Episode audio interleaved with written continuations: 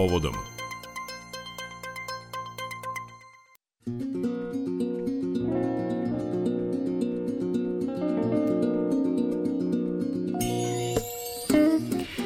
organizaciji krovne organizacije mladih Srbije održan je četvrti dijalog sa premijerkom, sastanak na kojem su predstavnici Komsa izneli predloge za unapređenje položaja mladih. Koji su rezultati dijaloga i šta će od toga biti implementirano u novi zakon o mladima, razgovaramo sa generalnom sekretarkom Komsa Miljanom Pejić. Miljana, dobar dan, dobrodošli u program Radio Novog Sada. Dobar dan i hvala na pozivu. Miljana, imali ste priliku da premijerki Ani Brnabić i njenom timu iznesete probleme e, sa kojima se susrećete i za koje mislite da mogu da budu uklonjeni. Koji problem ste istakli kao gorući? Dakle, šta je ono što mladima u Srbiji čini najveću prepreku u ostvarivanju, hajde tako da kažemo, životnih potreba? Da. Pa e, mi smo zaista sve obuhvatne teme, ovaj do, dosta puno različitih tema pokrenuli na ovom dijalogu, a negde smo počeli od možda najvećeg problema mladih koji godinama u istraživanjima možemo da identifikujemo, a to je zapošljavanje i radna prava mladih. E, položaj na tržištu rada, na koji način se ta tranzicija iz obrazovanja um, na tržište rada um, omogućava i da li mogu mladi zaista od svog rada da se i osamostale, što jeste jedna od ključnih stvari kada govorimo o položaju ove društvene kategorije koje je prema našem zakonu do 30 godina. Nakon toga smo se dotakli i zdravlja mladih, e, bezbednosti e, i sveukupne e, situacije sa stanjem životne sredine, a negde možda na kraju smo govorili o tome na koji način nam obrazovni sistem omogućava da se lakše uključujemo i utičemo na donošenje odluka i baš ovo što ste i u najavi pomenuli, kakav zakon o mladima mladi vide da bi bi trebalo da bude da bi bio po njihovoj meri. Da, e, negde ekonomski položaj mladih i težnja za samostalnim životom jeste u fokusu bila i veoma ste bili konstruktivni u razgovoru i osim podataka koje ste izneli, a evo negde možemo i da ih spomenemo, a to je da je pola miliona mladih, kada kažemo mladih, govorimo o osobama od 18 do 30 godina, nije aktivno na tržištu rada, a svaka šesta osoba nije bila u sistemu obrazovanja. Dakle, e, predložili ste mere kojim bi se trenutno to stanje popravilo. Koje su to mere i kako su one komentarisane od strane premijerke? Pa pre svega e, pričamo o sprovođenju zapravo programa mhm. garancije za mlade mhm. koji se u državama članicama Evropske unije već primenjuje nekoliko godina i koji zapravo predstavlja obavezu države da e, svakoj mladoj osobi koja ispadne iz e, sistema obrazovanja ili duže od četiri meseca ne može da pronađe praksu ili posao ponudi bilo nastavak obrazovanja ili šansu za praksom ili za prvim zaposlenjem. I to zapravo možda najviše utiče na one mlade iz osetljivih društvenih kategorija koji um, zaista jako teško mogu imati neke prilike da um, se uh, ta neka uh, tranzicija iz obrazovanja, kao što sam rekla, na tržište rada uh, prebrodi. Mi vidimo da je upravo um, kod mladih možda veći procenat onih koji čekaju na posao, baš zato što nemaju neko radno iskustvo kojima će poslodavci zapravo pre njih zaposliti nego nekog drugog. Isto tako imamo situaciju da dosta velik veliki broj mladih baš zbog toga da bi bilo kakvo radno iskustvo stekao i bio veća e, konkurencija za poslove, radi na crno i u, da u tom smislu nema e, neka zaštićena e, radna socijalna prava. Tako da u tom aspektu smo mi najviše ovaj, fokusirali naša izlaganja i ono što nam je možda najveća intervencija na ovom dijalogu bila jeste da smatramo da bi država mogla da pokaže veću spremnost za implementacijom ovog programa garancije za mlade, budući da se strategijom za zapošljavanja obavezala da će ovaj program pilotirati samo u tri zapravo jedinice lokalne samouprave, odnosno u tri filijale Nacionalne službe za zapošljavanje. Govorili smo i o radu Nacionalne službe za zapošljavanje, gde smatramo da bi bilo potrebno možda osavremeniti njihove programe, ponuditi im više resursa da bi oni zaista mogli da se približe mladima, naročito ovoj NIT kategoriji koju sam pomenula da je možda najugroženija, odnosno često nemamo ni podatke Nacionalne službe za zapošljavanje obrazovanje, nema ni podataka e, jer većina mladih ne vidi tu službu kao neku koja može da im e, olakša e, put do zaposlenja, ne prijavljuju se, pa samim tim imamo dosta mladih ljudi koji nisu uopšte u sistemu i ne možemo da pratimo njihov razvoj. U tom nekom dosegu do tih mladih neophodno je učiniti veće napore i predsednica vlade je zapravo saslušala mlade i obećala da će za ovu konkretnu stvar se više uraditi i negde ovo ovaj, i nam je bilo značajno pošto i ministar Selaković koji je sada zadužen za ovu oblast bio na dijalogu da se posebno njegovo ministarstvo možda ubrza, odnosno da neke druge zakone koji su podržavajući za ovu temu brže donesemo. Jedan od takvih zakona je zakon o radnim praksama i mi se nadamo da će ovaj zakon možda prvi u, u setu zakona koji smo predložili biti donet. Da. O, govorite o programu Garancija za mlade. Ona je podrška za... Šta konkretno da ste zamerili? Dakle, on nije implementiran, odnosno njegova primjena se čeka s obzirom na to da je započet eh, rad na ovom programu još prošle godine u ovo vreme. Tako je. I prema strategiji za zapošljavanje do 26. godine zapravo se uh, predviđa pilotiranje.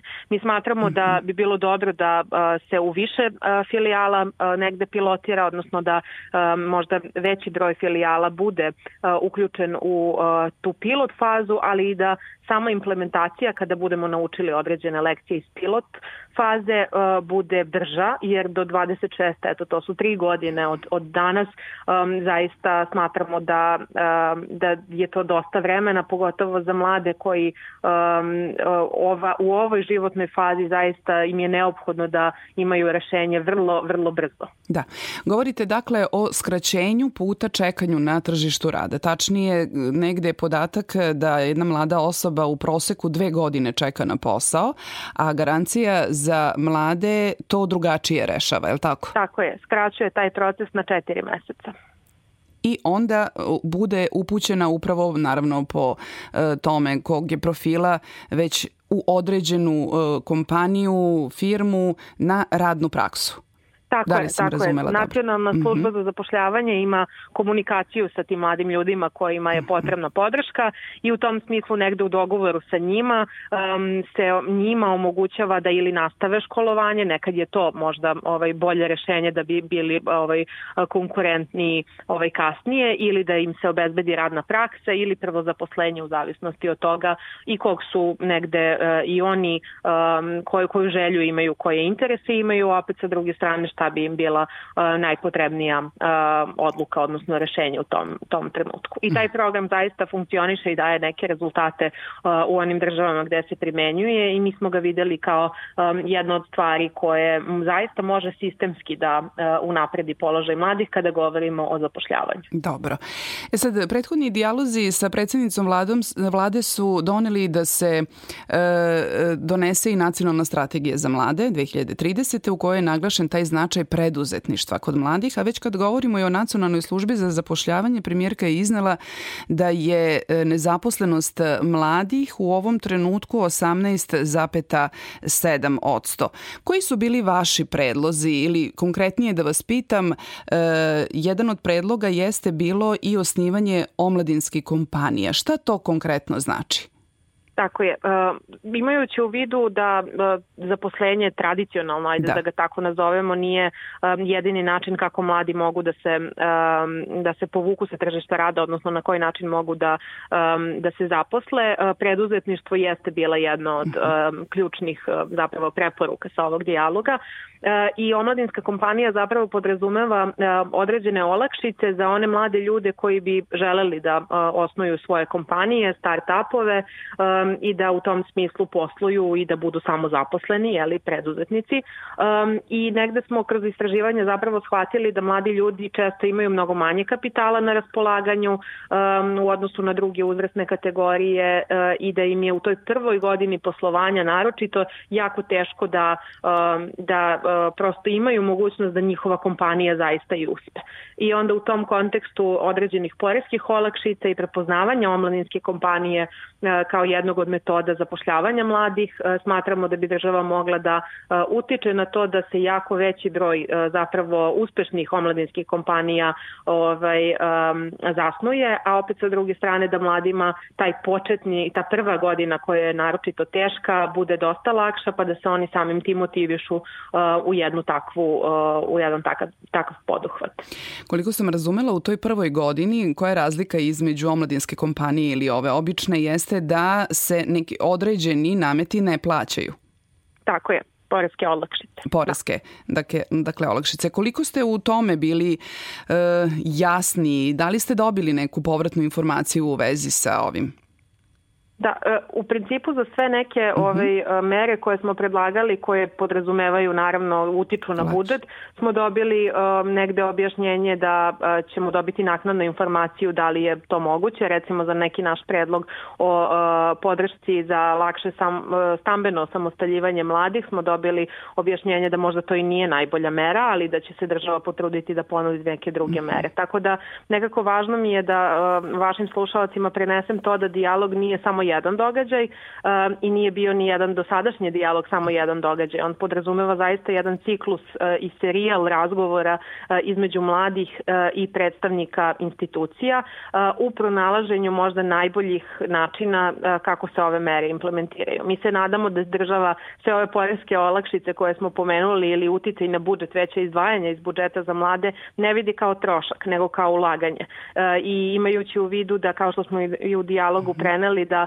um, svaka mlada osoba kroz obrazovanje negde povuče sigurno više od 20.000 evra. Odlazak takve mlade osobe iz države je veći gubitak nego što je ulaganje ovaj, u, u mlade i mislimo da uh, ukupni negde stimulans mladima da ostaju ovde, da rade, plaćaju poreze, naravno vraćaju ovaj, državi eh, sva, sva ulaganja do sada je jedini način kako mi možemo kao društvo da, eh, da imamo neki boljitak, tako da negde zaista iz te perspektive smo i eh, ulazili u ovaj dijalog i smatramo da svako ulaganje u mlade ljude zapravo znači ulaganje u budućnost. Naravno, jer nije dobro i to da po vašim anketama svaka druga mlada osoba želi da napusti Srbiju.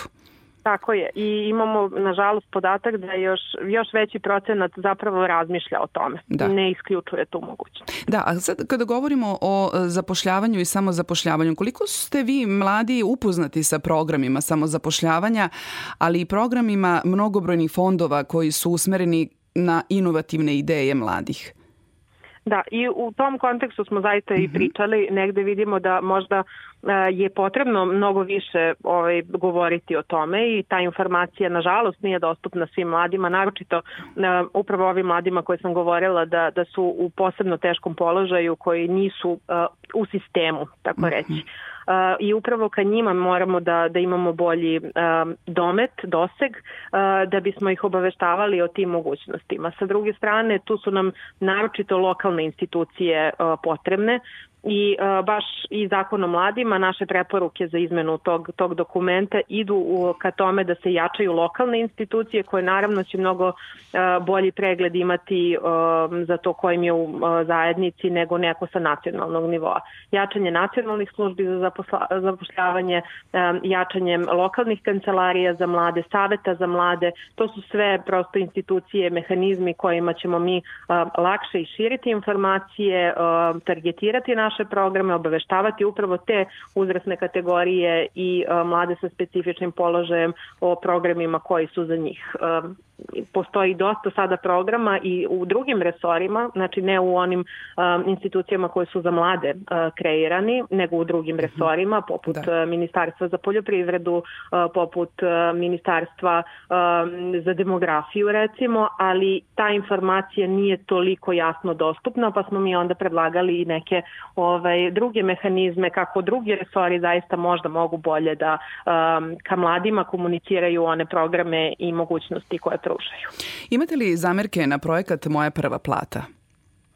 Smatramo da je program kao takav dobar i da targetira zaista gorući problem mladih, ali smatramo takođe da naknada koju mladi primaju mora biti veća jer im ne omogućava dostojanstven život i isto tako negde zapravo monitoring, odnosno nadzor nad programom da li mladi zaista uče stvari ili se proforme ove ovaj, zapošljavaju, to smatramo da isto mora biti bolje. Dobro. Kažete, mladi se ne osamostaljuju i podatak je taj da oko 65% živi kod roditelja i vi ste nas pomenuli da najveći broj zaposlenih, tačnije 20% njih radi na crno. Kako rešiti stambeno pitanje i da li je moguće ograničiti cenu kirije za studente? Bilo je da, jedno da, mi smatramo da, da je to moguće, zapravo ne samo za studente, već da, za celokupno stanovništvo. Mm -hmm. Ova o, e, teška situacija sa tržištem nekretnina a, e, pogađa naročito mlade, jer su oni dosta siromašniji od a, druge, drugih kategorija, imaju manje kapitala, ali svakako pogađa celokupno stanovništvo. Tako da smo kao neki možda kratkoročni odgovor države videli upravo to a, ograničenje kirija, budući da je zaista a, dosta teška situacija i negde negde e, zaista e, prelazi onih 30% od mesečnih primanja e, zapravo koliko je neophodno za dostojanstven život da bude cena stanarine. Vidimo da su udeo u mesečnim primanjima upravo ovi troškovi mnogo, mnogo veći, čak veći od 50% za neka domaćinstva, što zaista dovodi do toga da, da su brojni, brojne porodice, brojni ljudi zapravo na ivici siromaštva. Smatramo da je ovo kratkoročni odgovor, isto kao što je kratkoročni odgovor možda um, trenutno povećanje um, određenih e, studentskih domova. Smatramo da, um, i pogledamo zapravo liste, rang liste sa, sa različitih fakulteta o raspodeli studentskih domova, vidimo da je zainteresovanost mnogo veća od onoga što kapaciteti studentskih i učeničkih domova mogu da ponude, Tako da smo i u tom kontekstu negde dali preporuku da e, se možda osmisle drugačiji tip stanovanja, ekonomska cena, socijalni stanovi. Znači, ali to bi negde bio e, možda sistemski odgovor, da. odnosno dugoročni. To ne može preko noći da se, da se dogodi, ali negde država zaista mora da razmišlja o tome e, koliko je teško mladim ljudima koji dolaze iz drugih manjih, većih gradova u druge gradove da studiraju i njihovim porodicama da prosto izdrže sve te te troškove koji su u ovoj situaciji sa inflacijom i globalnom krizom skoro pa nemoguće da. Uh, da izvršiti. Da. da, kriza pogađa sve, a najviše naravno vas koji studirate i dolazite, ali tek evo i za naše slušalo, slušalce jeste da je 240.000 studenta, a samo njih 20.000 može da nađe mesto u studentskim domovima. Drugim rečima, e, većina vas je osuđena upravo da plaćate u ovom trenutku visoke kirije. E, e, kada je reč o privatnom e, stanovanju, gde vidite tu način da možete da budete zaštićeni kada je vaš ekonomski položaj u pitanju?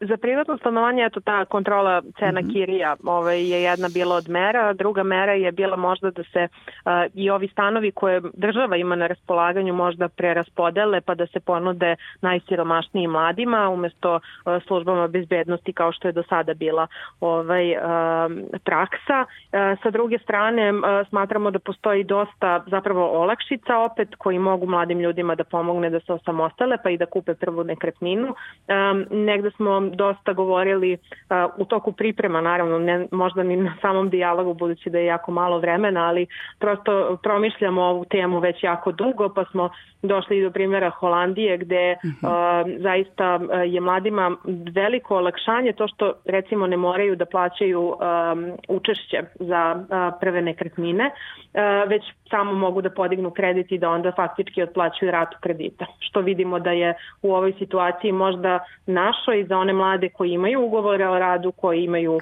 zapravo ugovore na neodređeno da bi mogli da podignu kredit kod banke, bili prepoznati kao a, neko ko ima kapaciteta da isplati plaćaju ratu kredita bolje rešenje, jer je naravno uvek bolje da plaćaju ratu kredita za stan koji će biti njihov nego cenu kirije koja može da bude promenjiva i dosta um, i faktički i nekad u nekim slučajevima iskuplja od rate kredita. Naravno. Tako da tako neke mere koje uh, zaista imaju u uh, vidu da uh, su potpicajne koje mogu mladim ljudima da pomognu da, da uh, staj, zaista se osamostale, uh, um, imaju uh, čak i da steknu porodicu ukoliko to žele. Vidimo da, su, da smo ranije imali e, mere koje su usmerene na mlade bračne parove ali negde smo i takve mere um, uh, koliko god da su poticajne, negde su ograničavale druge mlade ljude koji možda ne žele da imaju taj stil života ili ne mogu da steknu porodicu jer ne mogu da je zasnuju prema zakonima Republike Srbije, a opet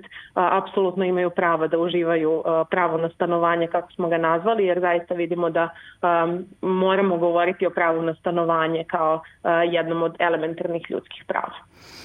E, nedavno ste imali prvi sastanak radne grupe za izradu novog zakona o mladima. Pa šta očekujete od novog zakona i koliko će se vaši predlozi naći u ovom dokumentu? Mi se nadamo da hoće jer predstavljamo zaista mlade koji su um, iz različitih krajeva uh, Srbije i ono što će možda naš uh, glavni zahtev biti baš da se specifičan položaj mladih iz različitih krajeva Srbije prepozna i da se fokusira zakon mnogo više na postojanje lokalnih mehanizama za aktivno učešće mladih nego što je to bilo ranije. Sada u zakonu imamo to kao mogućnost, a mi bismo voleli da to bude obaveza lokalnih samouprava da odvajaju novac za mlade, da podržavaju udruženja mladih i za mlade, E, da osnuju savete za mlade gde mladi direktno mogu uticati na to e, na koji način će država da troši svoj novac. Onda e, da li prosto imamo mogućnost da se i drugi sektori, znači ne ni samo kancelarije za mlade, već i neke druge institucije bave zaista mladima. Mi smo predlagali uvođenje omladinsko odgovornog budžetiranja gde ćemo pratiti tok novca u svakom resoru koji se odveja za ovu uzrasnu kategoriju um, kojom pripadaju mladi. Tako da uh, dosta, uh, mi, mi bismo to nazvali možda kao hardware, ovaj, zakon o mladima bi trebalo da postavi uh, mehanizam, a onda sva pitanja koja mlade tište na lokalu treba kroz te mehanizme da uh, na to da utiču upravo mladi tako da je to negde ideja ove izmena zakona o mladima. U ovom trenutku zakon o mladima bi mogao da e, ima mnogo jasnija pravila funkcionisanja i nacionalnog saveta za mlade, koga, ko predstavlja mlade, ko su legitimni predstavnici mladih, To je dosta nejasna definicija, isto tako e, na koji način e, zapravo i drugi resori komuniciraju potrebe mladih, um, pre svega kroz Savet za mlade, ali neke druge um, institucije i tela, tako da uh, ima tu dosta prostora da govorimo i o finansiranju omladinske politike koja je trenutno prepoznata samo kao izvajanje kroz sektor za omladinu Ministarstva turizma i omladine, ranije Ministarstva omladine i sporta, ali zaista drugi resori takođe imaju programe za mlade i to bi trebalo pratiti, prepoznati, uticati da vidimo da li su njihovi programi bili i manje uspešni, pa u tom smislu i reagovati. To bi sve trebalo zakon o mladima da reguliše uh, i nadamo se da će eto ovaj novi uh, nova radna grupa uh, imajući u vidu da je formirana nakon uh, formiranja nove vlade biti dosta uspešnija od ostalih jer mi imamo ovu inicijativu od 2015. godine. Mhm. Um, ali se nekako nije bio prioritet, nije bilo političke volje u prethodnom ministarstvu da se ovaj proces zaista um, izgora do kraja. Um, sada imamo nešto veće garancije, ali opet ostaje da se vidi da li ćemo uspeti ovaj proces da um, do kraja uh, izguramo. Mm -hmm. I evo, za kraj pitanje, e, utisak ili zaključak, spomenuli smo kako bi se e, položaj e, sveopšte i posebno ekonomski položaj mladih, ali i oni koji studiraju, poboljšao, spomenuli i garancije za mladih program koji naravno je svojevrsna podrška mladima za zapošljavanje, program Moja prva plata i vaše predloge koji ste izneli premijerki. Da li bi u saglašavanjem, odnosno prihvatanjem ovih predloga mladima bio olakšan put od obrazovanja do tržišta rada, odnosno do građanja karijere u svojoj zemlji? Šta mislite? Smatramo da, da bi bio, uh, Um, smatramo da, da bi posebno bilo dobro pratiti to sprovođenje i reagovati u skladu sa onim izazovima koje smo, koje smo predvideli. Um, verujemo da moja prva plata, recimo, pitali ste me ovaj, da, li, mhm. da li smatramo da je taj program dobar ili ne, uh, da bi bio mnogo bolji da, da se mladi zaista pitaju i da utiču na to um, kroz lekcije svake godine u sprovođenju implementaciji kako da se koriguje. Uh, važno je da mladi učestvuju u donošenju poštivanju nekog programa, propisa, ali je isto tako važno da prate i da se program sam koriguje u skladu sa onim što vidimo na terenu, jer naravno ne možemo iz ove perspektive sada predvideti sve moguće situacije i sve moguće izazove, ali je važno da mladi prate i da budu konsultovani i pitani uh, i kada se program sprovede da bismo mogli da ga unapređujemo. Tako da moj odgovor za garancije biće jako uspešan, ali je važno da pratimo i da ga korigujemo kada vidimo uh, izazove sa kojima ćemo se suočiti u implementaciji. Da. Pratit ćemo naravno i dalje vaš rada. Želimo vam i uspeha u daljem radu. I hvala, hvala vam. najlepše na, na prilici da, da govorimo o ovim važnim temama. Naravno, hvala vam na izdvojenom vremenu za program Radio Novog Sada. Svako dobro. Bila je ovo generalna sekretarka krovne organizacije Mladih Srbije Miljana Pejić.